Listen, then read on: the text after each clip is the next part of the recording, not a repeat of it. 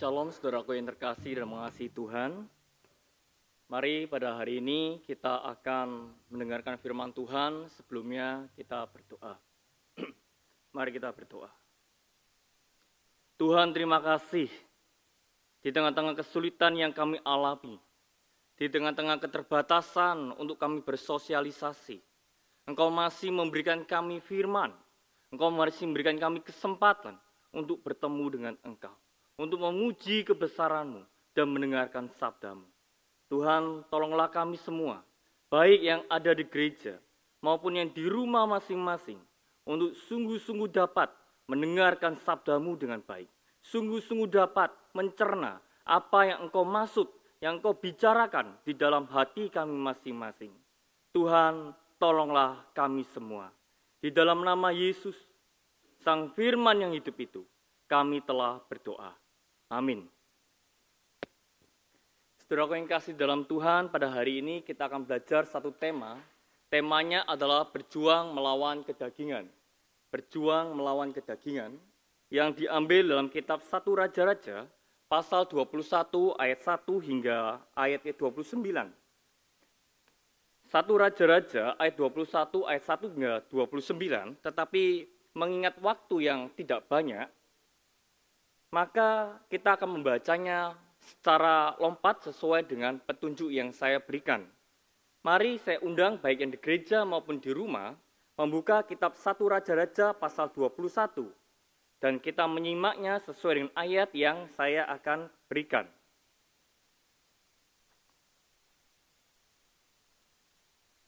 Satu Raja-Raja pasal 21 ayat 1 hingga ayat 5 dulu. Mari kita melihatnya kebun anggur Nabot. Sesudah itu terjadilah hal yang berikut. Nabot, orang Yisrael, mempunyai kebun anggur di Yisrael, di samping istana Ahab, Raja Samaria. Berkatalah Ahab kepada Nabot, Berikanlah kepadaku kebun anggurmu itu, supaya ku jadikan kebun sayur, sebab letaknya dekat rumahku aku akan memberikan kepadamu kebun anggur yang lebih baik daripada itu sebagai gantinya. Atau jikalau engkau lebih suka, aku akan membayar harganya kepadamu dengan uang. Jawab Nabot kepada Ahab. Kiranya Tuhan menghindarkan aku daripada memberikan milik pusaka nenek moyangku kepadamu. Lalu masuklah Ahab ke dalam istananya dengan kesal hati dan gusar karena perkataan yang dikatakan Nabot orang Yirsiel itu kepadanya. Tidak akan kuberikan kepadamu milik pusaka nenek moyangku. Maka berbaringlah ia di tempat tidurnya dan menelungkupkan mukanya dan tidak mau makan. Lalu datanglah Isibel, istrinya, dan berkata kepadanya, Apa sebabnya hatimu kesal sehingga engkau tidak mau makan. Loncat ayat 7 hingga ayat ke-10. Kata Isabel, istrinya, kepadanya, Bukankah engkau sekarang yang memegang kuasa raja atas Israel? Bangunlah, makanlah, dan biarlah hatimu gembira. Aku akan memberikan kepadamu kebun anggur Nabot, orang Yisiel itu.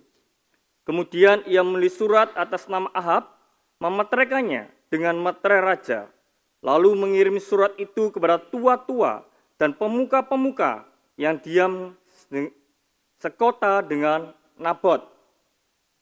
Dalam surat itu ditulisnya demikian, Maklumkanlah puasa dan suruhlah Nabot duduk paling depan di antara rakyat. Suruh jugalah dua orang Dursila duduk menghadapinya dan mereka harus naik saksi terhadap dia dengan mengatakan, Engkau telah mengutuk Allah dan Raja. Sesudah itu bawalah dia keluar dan lemparilah dia dengan batu sampai mati. Loncat ayat ke-15 hingga ayat yang ke-22. Ayat ke-15. Segera sesudah Isabel mendengar bahwa Nabot sudah dilempari sampai mati, berkatalah Isabel kepada Ahab, bangunlah, ambillah kebun anggur Nabot orang Yisrael itu menjadi milikmu karena Nabot yang menolak memberikan kepadamu dengan bayaran uang sudah tidak hidup lagi. Ia sudah mati. Segera sesudah Ahab mendengar bahwa Nabot sudah mati, ia bangun dan pergi ke kebun anggur Nabot, orang Yirsiel itu, untuk mengambil kebun itu menjadi miliknya. Tetapi datanglah firman Tuhan kepada Elia, orang Tisbe itu bunyinya. Bangunlah, pergilah menemui Ahab, raja Israel yang di Samaria. Ia telah pergi ke kebun anggur Nabot untuk mengambil kebun itu menjadi miliknya. Katakanlah kepadanya demikian. Beginilah firman Tuhan, engkau telah membunuh serta merampas juga. Katakan pula kepadanya, beginilah firman Tuhan. Di tempat anjing telah menjilat darah Nabot, di situ jugalah anjing akan melihat menjilat darahmu. Ayat 20. Kata Ahab kepada Elia, sekarang engkau mendapat aku, hai musuhku. Jawabnya, memang sekarang aku mendapat engkau, karena engkau sudah memperbudak diri dengan melakukan apa yang jahat di mata Tuhan. Sesungguhnya, aku akan mendatangkan malapetaka kepadamu, Aku akan menyapu engkau dan melenyapkan setiap orang laki-laki dari keluarga Ahab, baik yang tinggi maupun yang rendah kedudukannya di Israel. Dan aku akan memperlakukan keluargamu sama seperti keluarga Yerubian bin Nebat dan seperti keluarga Baisa bin Ayha. Oleh karena engkau menimbulkan sakit hatiku dan oleh karena engkau mengakibatkan orang Israel berbuat dosa. Loncat ayat 25 hingga ayat 26.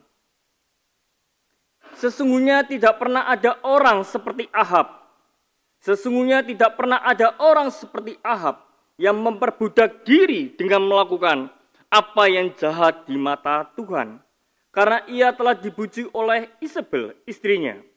Bahkan ia telah berlaku sangat keji dengan mengikuti berhala-berhala. Tetapi seperti yang dilakukan oleh orang tepat seperti yang dilakukan oleh orang Amori yang telah dihalau Tuhan dari depan orang Israel. Amin. Saudara yang kasih di dalam Tuhan, jika kita hari ini berbicara tentang berjuang melawan kedagingan, maka yang pertama-tama yang kita harus ketahui, pertanyaan yang pertama yang harus kita jawab adalah apa itu kedagingan? Apa itu kedagingan? Apakah kedagingan itu berkaitan dengan hanya tubuh jasmani manusia saja. Tidak, saudara. Kedagingan tidak berbicara tentang tubuh jasmani manusia saja. Tapi kedagingan juga berbicara seluruh aspek di dalam diri manusia. Pikiran manusia bukan daging. Roh manusia juga bukan daging. Perasaan manusia juga bukan daging. Maka apa itu kedagingan? Kedagingan adalah sebuah istilah yang digunakan oleh Alkitab untuk menunjukkan bahwa seluruh aspek manusia yang terdiri pikiran, kehendak, perasaan terjual oleh dosa. Jadi kedagingan menggambarkan seluruh aspek manusia yang terjual oleh dosa. Jadi bukan hanya berbicara tentang fisik manusia saja, tetapi seluruh aspek manusia. Itulah kedagingan. Kalau kita melihat bahasa Paulus, Paulus dalam kitab Roma 7 ayat 24 berkata, Aku manusia celaka, Aku manusia celaka. Siapakah yang akan melepaskan aku dari tubuh maut ini? Pesan Paulus ini ditangkap oleh Martin Luther. Apa yang ditangkap oleh Martin Luther? Martin Luther menangkap bahwa seluruh aspek di dalam diri manusia itu adalah mengalami keberdosaan. Baik apa? Baik pikirannya, baik apa hatinya, baik apa kehendaknya, bahkan dari tubuh itu sendiri. Maka Martin Luther berkata dengan jelas, kedagingan adalah seluruh komponen yang ada di dalam diri manusia. Tidak ada satupun yang tidak tercemar oleh dosa. Tidak ada satupun yang tidak tersentuh oleh dosa. Pikirannya pikiran yang berdosa. Hatinya hati yang berdosa. Maka kehendaknya pun kehendak yang berdosa. Wujud dari kedagingan itu adalah apa? Wujud dari kedagingan itu adalah menentang Tuhan. Hidupnya selalu berlawanan dengan Tuhan. Hidupnya tidak taat kepada Tuhan. Hidupnya selalu mengarahkan dirinya untuk menjauh kepada Tuhan. Itulah wujud dari kedagingan. Maka pertanyaan yang kedua yang perlu kita jawab. adalah apakah kita dapat melawan kedagingan. Jika kita tahu bahwa kedagingan itu adalah seluruh aspek manusia, maka yang kedua adalah apakah kita manusia bisa melawan kedagingan. Jika kita melihat apa yang telah kita baca, ada dua contoh. Dua contoh yang dapat melawan kedagingan dan yang tidak dapat melawan kedagingan. Contoh yang dapat melawan kedagingan di sini diberikan atau diwakili oleh Nabot. Sedangkan contoh atau pribadi yang tidak dapat mewakili, yang tidak dapat mengalahkan kedagingan, itu diwakili oleh Ahab. Mari kita lihat satu persatu. Baik, kita akan belajar tentang Ahab. Saudara, Ahab ini saya katakan adalah seorang yang berhasil di dalam pengembangan kota. Dia seorang yang sukses di dalam penataan kota. Terbukti dengan apa? Penemuan-penemuan arkeologi yang mengatakan bahwa apa? Mengatakan bahwa penemuan-penemuan arkeologi menemukan istana Amori. Kalau di dalam Alkitab bahasanya adalah istana Gading. Kenapa disebut istana Gading? Disebut istana Gading karena apa? Karena istana itu begitu banyak diasi oleh gading. Ya, gading-gading diasi. Ya, sehingga istana itu begitu megah. Istana itu begitu luar biasa. Sehingga orang masuk mengatakan, ini orang yang luar biasa. Bisa mendesain istana yang begitu hebat. Bukan itu saja saudara. Bahwa kota Samaria pada saat itu ibu kotanya. di mana Ahab memimpin. Di situ pada saat penggalian tertata begitu rapi. Tertata begitu teratur. Ini menunjukkan bahwa Ahab seorang yang pintar untuk mengembangkan kota. Tetapi saudaraku yang kasih di dalam Tuhan, ia gagal di dalam suatu konteks yaitu konteks apa? Dia konteks keagamaan. Ya secara materi oke. Okay. Ya secara pengembangan kota oke. Okay. Tetapi secara keyakinan, secara religi, ia mengalami kegagalan. Saudara yang kasih dalam Tuhan. Beberapa pakar perjanjian lama mengatakan bahwa bahwa Ahab itu adalah raja yang paling buruk sepanjang sejarah bangsa Israel. Ahab adalah raja yang paling buruk, yang paling buruk dibanding yang buruk-buruk yang lain. Memang ada keturunan Daud, raja yang buruk ada. Tetapi di antara semua keturunan Daud, yang paling buruk menjadi raja adalah Ahab. Maka tepatlah yang dikatakan Elia pada ayat yang ke-25. Mari kita lihat. Ayat ke-25. Demikianlah bunyi firman Tuhan. Sesungguhnya tidak pernah ada orang, sesungguhnya tidak pernah ada orang seperti Ahab yang memperbudak diri dengan melakukan apa yang jahat di mata Tuhan. Tidak pernah ada orang seperti apa? Ahab. Jadi betullah yang dikatakan oleh pakar perjanjian lama bahwa Ahab itu adalah seorang sosok, seorang tokoh, seorang raja yang paling buruk, yang paling buruk di dalam pemerintahan di Israel. Setelah yang kasih dalam Tuhan, hal ini terlihat dari apa? Kita bisa terlihat dari kematian Nabot. Terlihat dari kematian Nabot. Saudara, kematian Nabot bukan sekedar kematian saja. Tapi kematian Nabot menceritakan begitu banyak kisah di dalamnya. Kematian Nabot begitu banyak menjelaskan sesuatu. Siapa sebenarnya Ahab itu. Saudaraku yang kasih dalam Tuhan, dari kematian Nabot kita bisa melihat tiga hal. Yang pertama, Ahab adalah seorang yang tidak dapat menguasai dirinya. Yang kedua, Ahab adalah seorang yang tidak dapat menguasai istrinya. Dan yang ketiga, Ahab juga tidak bisa menguasai pemerintahnya. Mari kita lihat satu persatu. Ahab seorang yang tidak dapat menguasai dirinya.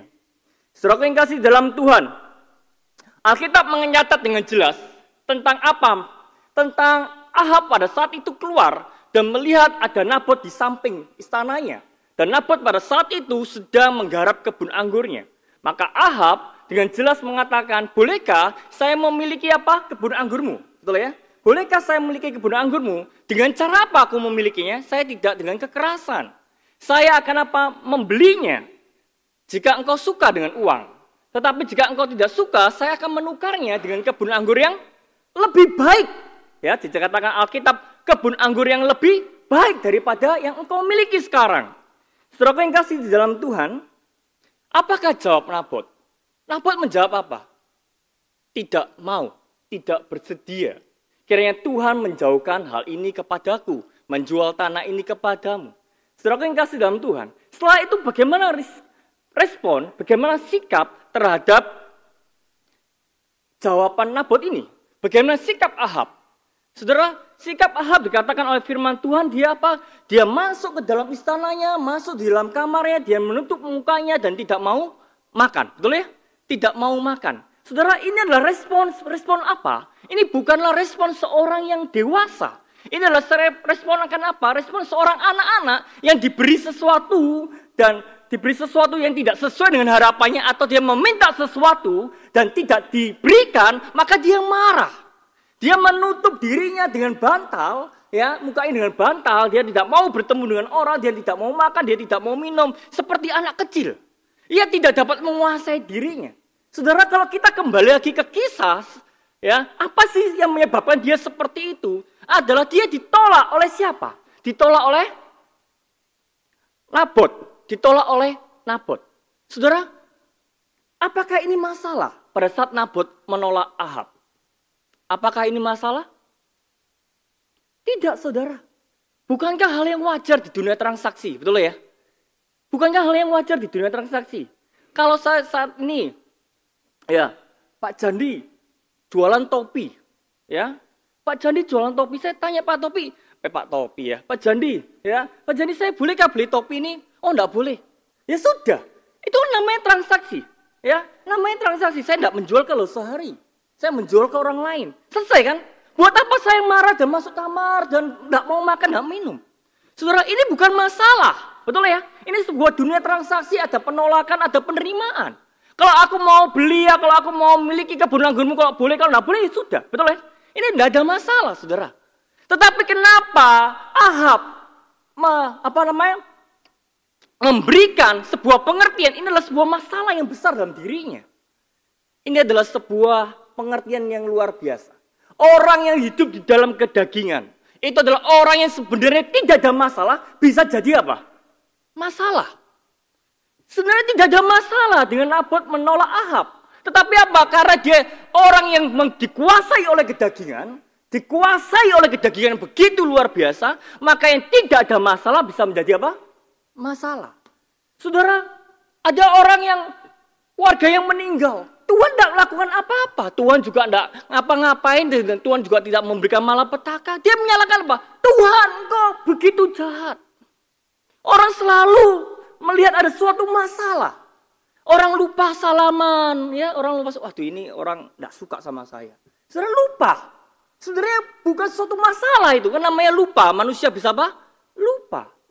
Ya. Tetapi orang yang hidup dalam kedagingan selalu melihat dalam sudut apa? Masalah. Ini masalah, ini masalah, ini masalah. Selalu dalam sudut perspektif masalah. Kenapa? Karena dirinya bermasalah. Sehingga apa yang dilihatnya selalu bermasalah salah. Ini anakku bermasalah, suamiku bermasalah, istriku bermasalah, semuanya bermasalah. Padahal apakah itu masalah? Jawabannya apa? Ya tidak. Masalahnya ada di mana? Masalahnya ada diri sendiri. Itulah Nabot. Tidak ada masalah dengan menolak tolakannya Nabot. Tidak ada masalah. Tapi Ahab menjadi apa? Menjadi bermasalah. Itu artinya dia tidak dapat menguasai dirinya. Itu yang pertama. Yang kedua, yang kita pelajari adalah Ahab juga tidak bisa menguasai istrinya. Kita tahu ya bahwa di dalam catatan Alkitab bahwa kematian Nabot adalah kematian yang tidak wajar. Setuju ya? Kematian Nabot adalah kematian yang tidak wajar. Pertanyaannya adalah siapa yang menjadi dalang kematian Nabot? Apakah Ahab? Tidak. Tapi siapa? Istrinya. Yang bernama siapa? Isabel. Ya, Saudara yang kasih dalam Tuhan, bagaimana dia bisa sebagai suami membiarkan Isabel melakukan pembunuhan? Pada saat Isabel mengatakan gini, Ahab suamiku, bangun. Ada apa, Mi? Wah, gitu ya mungkin ya kalau bahasa sekarang. Ada apa ya, Mi? Ada apa ya istriku? Bangun, ambil. Ambil kebunnya Nabot. Loh, kok bisa ambil? Iya. Karena Nabot yang tidak memberikan kepada kamu sudah mati. Saudara, Langsung apa yang dilakukan oleh Ahab? Yang dilakukan oleh Ahab, dia bangun dan pergi ke mana? kebun Nabot. Betul ya? Dan untuk apa pergi ke kebun Nabot? Untuk segera memilikinya. Jadi di dalam hukum tradisi orang Yahudi, orang yang menghujat Tuhan dan menghujat raja, menghina Tuhan, menghina raja, maka apa? Tanah seluruhnya menjadi milik kerajaan. Maka di, by design oleh Isabel seperti itu. Kalau tidak demikian, maka Nabot bisa apa namanya? Kalau dia Nabot mati dengan konteks tidak menghujat Tuhan, tidak menghujat raja, maka bisa ke saudara-saudara yang lain. Maka ini harus konteksnya menghujat Tuhan, maka didesain dengan cara seperti itu. Ya, saudara yang kasih dalam Tuhan, respon pada saat dia mendengar bahwa Nabot telah mati dan sekarang kau boleh memilikinya, maka responnya adalah dia segera pergi mana ke kebun Nabot. Dan untuk apa? Untuk memilikinya. Saudara, bagi saya ini tidak wajar. Ya, Bagi saya tidak wajar. Kenapa tidak wajar? Seharusnya dia bertanya, betul ya? Loh, kok bisa Nabot mati? Kan begitu ya? Kok bisa Nabot mati? Bukankah berapa hari yang lalu saya masih ketemu dengan dia? Bukankah berapa hari lalu masih bercakap-cakap dengan dia? Betul ya? Bukankah berapa hari yang lalu saya bertransaksi dengan dia? Loh, sekarang kok mati? Kan begitu toh.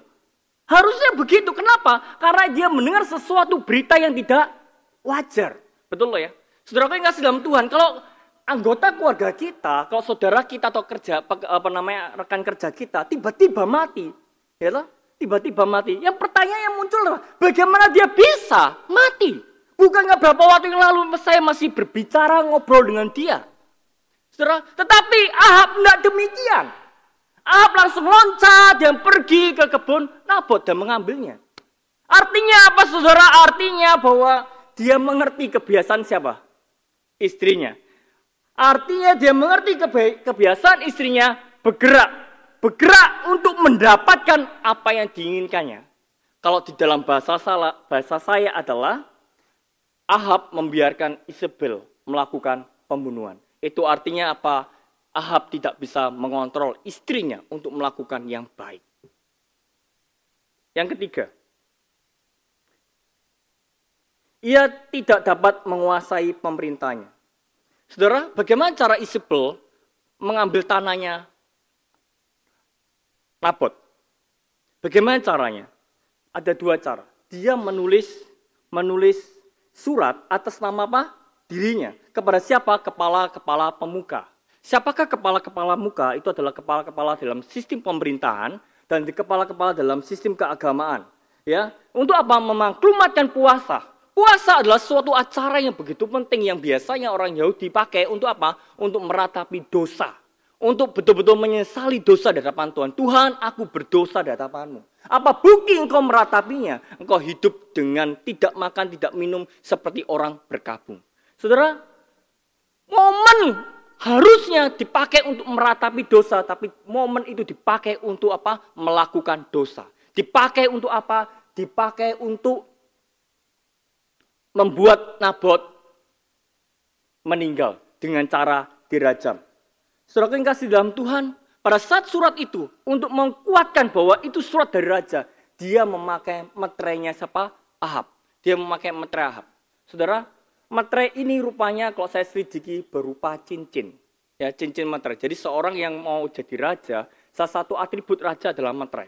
Materainya itu ada di cincinnya. Jadi cincin ini untuk menstempel, gitu ya. Menunjukkan bahwa apa? Bahwa keputusan ini, surat ini menyatakan tentang sikap kerajaan terhadap Nabot. Yang kasih dalam Tuhan, pertanyaannya, kok bisa cincin yang hanya boleh digunakan oleh raja? Cincin yang hanya digunakan oleh raja untuk memeterkan keputusan-keputusan yang penting bisa jatuh ke tangan siapa? Istrinya. Bisa jatuh dengan mudah istrinya menggunakannya dan membuat surat atas nama siapa? Ahab. Saudara yang kasih dalam Tuhan, ini artinya apa? Ahab seorang yang tidak dapat dengan sungguh-sungguh mengontrol jalannya pemerintahan. Bagaimana bisa pemerintahan mengadakan sesuatu tanpa sepengetahuan siapa? Ahab. Itu artinya bahwa dia tidak bisa mengontrol dengan baik bagaimana jalannya pemerintahan. Saudara yang kasih dalam Tuhan, jika kita melihat polanya ini, ya, orang yang tidak dapat menguasai kedagingannya, ia akan merugikan diri sendiri. Ia akan mengalami kerugian diri sendiri. Ya, ya setelah itu keluarganya, setelah itu pemerintahnya. Kalau kita gambarkan dalam kondisi sekarang, Orang yang tidak dapat menguasai diri adalah orang apa? Adalah orang yang tidak dapat mengontrol dirinya, itu mengalami kerugian. Setelah itu siapa yang mengalami kerugian? Yang mengalami kerugian itu adalah keluarganya. Setelah mengalami kerugian di dalam keluarganya, siapa lagi yang mengalami? Adalah yang lebih luas. Teman-temannya, pekerjanya, semua karyawannya di gereja akan mengalami kerugian. Inilah dari yang kecil, dari diri sendiri, menyebar sampai luas. Itulah Ahab, seorang pribadi yang tidak dapat menguasai kedagingannya. Seorang raja yang paling buruk di dalam pemerintahan Israel. Bagaimana dengan Nabot? Saudara, Nabot adalah pribadi yang berbeda. Ia pribadi yang dapat menguasai dirinya. Nabot pada saat di kebun, ya, bukankah ia mendapatkan penawaran? Penawaran yang sangat menguntungkan, bukan yang sangat merugikan. Betul ya? penawaran yang sangat menguntungkan. Kalau saya melihat dari kacamata ekonomi, secara ekonomi ya harusnya Nabot itu menjual menjual tanahnya kepada Ahab. Harusnya, harus menurut saya menjual kepada Ahab secara kacamata ekonomi. Kenapa? Karena menguntungkan. Kita melihat keuntungan apa kira-kira yang didapat. Yang pertama, paling tidak relasi. Relasi, ya. Saudara, dengan dia menjual tanah kepada Ahab, maka akan terjalin relasi. Ya, Bukankah Nabot itu rakyat dan Ahab itu siapa? Raja. Maka akan terjalin dengan baik antara raja dengan rakyat. Ya, bukankah banyak orang ingin memberi hadiah kepada orang yang berkuasa? Setuju enggak? Ya. Banyak orang ingin memberi hadiah kepada orang-orang berkuasa karena itu akan menguntungkan dari segi relasi.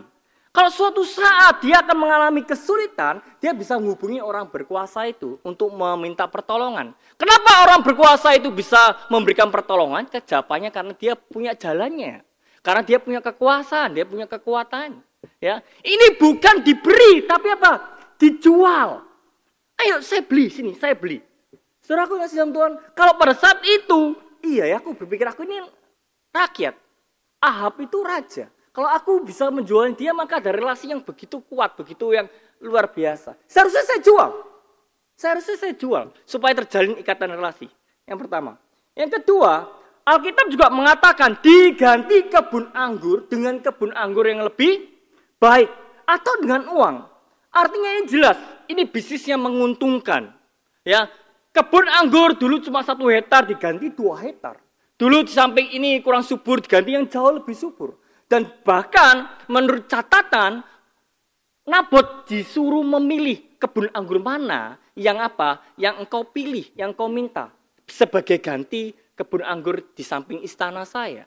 Secara, secara ekonomi sangat menguntungkan. Ada rumah yang harganya 50 juta. Ayo sini rumah, rumahmu karena di samping rumah saya saya mau beli ya sebagai gantinya ya kamu pilih rumah di Citraland yang di depan-depan. Silakan pilih yang ada kolam renangnya boleh ya. Yang ada apa namanya landasan helikopternya juga boleh ya. Apa pun boleh terserah ya. Saudara ini menguntungkan. Seharusnya secara ekonomi saya mengatakan Nabot harus menjual kepada Ahab. Tetapi kenyataannya kita mengatakan apa? Nabot tidak menjual. Kenapa Kenapa Nabot tidak menjual? Padahal secara ekonomi, kacamata ekonomi, dia adalah seorang yang harusnya mendapatkan untung. Nabot bukanlah seorang yang bodoh. Tetapi Nabot, ia adalah seorang pribadi yang takut akan Tuhan. Nabot adalah seorang pribadi yang takut akan Tuhan. Apa yang dikatakannya? Mari kita melihat ayat yang ketiga. Mari kita lihat ayat yang ketiga.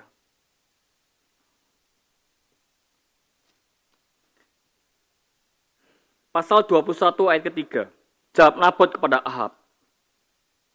Kiranya Tuhan menghindarkan aku daripada memberikan milik pusaka nenek moyangku kepadamu.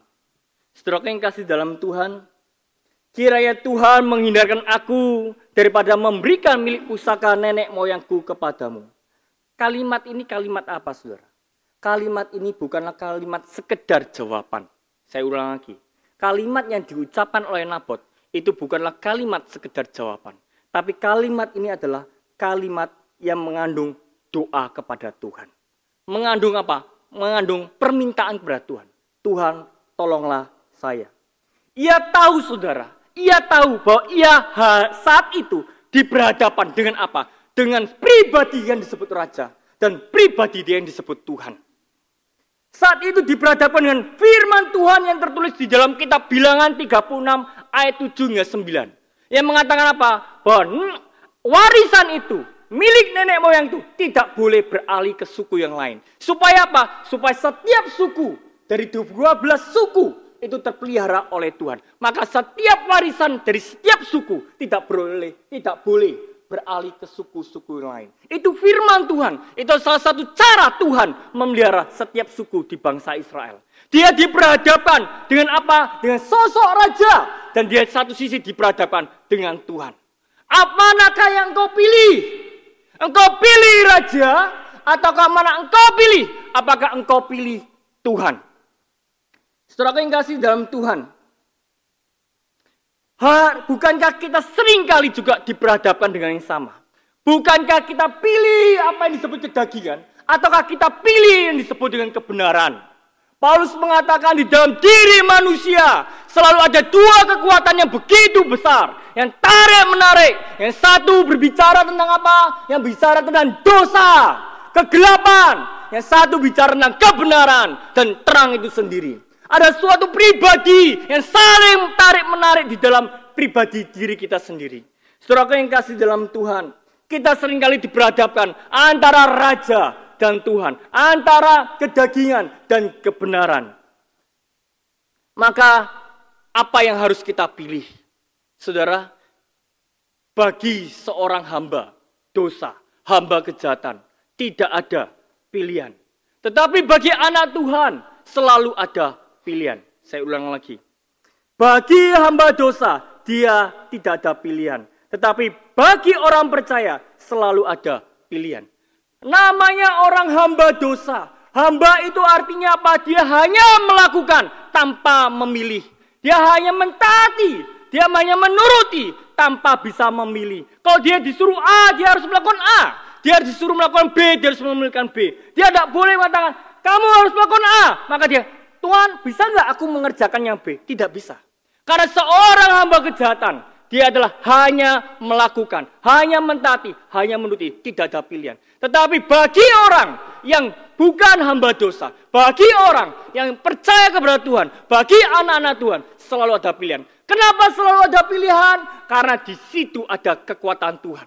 Di situ ada pertolongan Tuhan. Di situ ada penyertaan Tuhan. Maka Nabot berkata, Tuhan, hari ini aku diperhadapkan dengan raja dan firmanu. Manakah yang harus kupilih? Jika aku menuruti raja, aku melanggar firmanu. Yaitu apa? Menjual warisan nenek moyangku. Tetapi jika aku tidak memilih raja, aku memilih firmanu. Maka yang terjadi apa? Dia tidak suka dengan saya. Dia akan merancangkan hal yang jahat kepada saya. Manakah yang harus kupilih?